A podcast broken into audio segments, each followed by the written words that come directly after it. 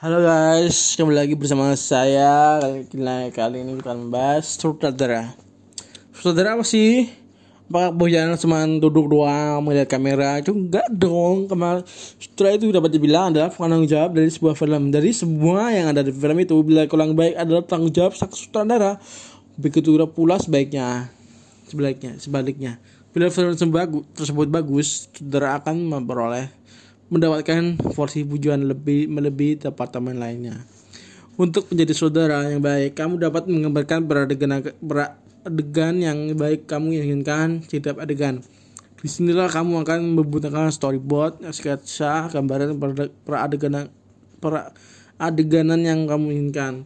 Ada banyak saudara yang tidak menggunakan storyboard. Semua balik kepada kalian. Apakah kalian lebih main lebih nyaman dengan dan storyboard atau tidak? Untuk menjadi saudara, saudara kamu harus dapat memindahkan ibadah si dengan setiap degan oke okay? thank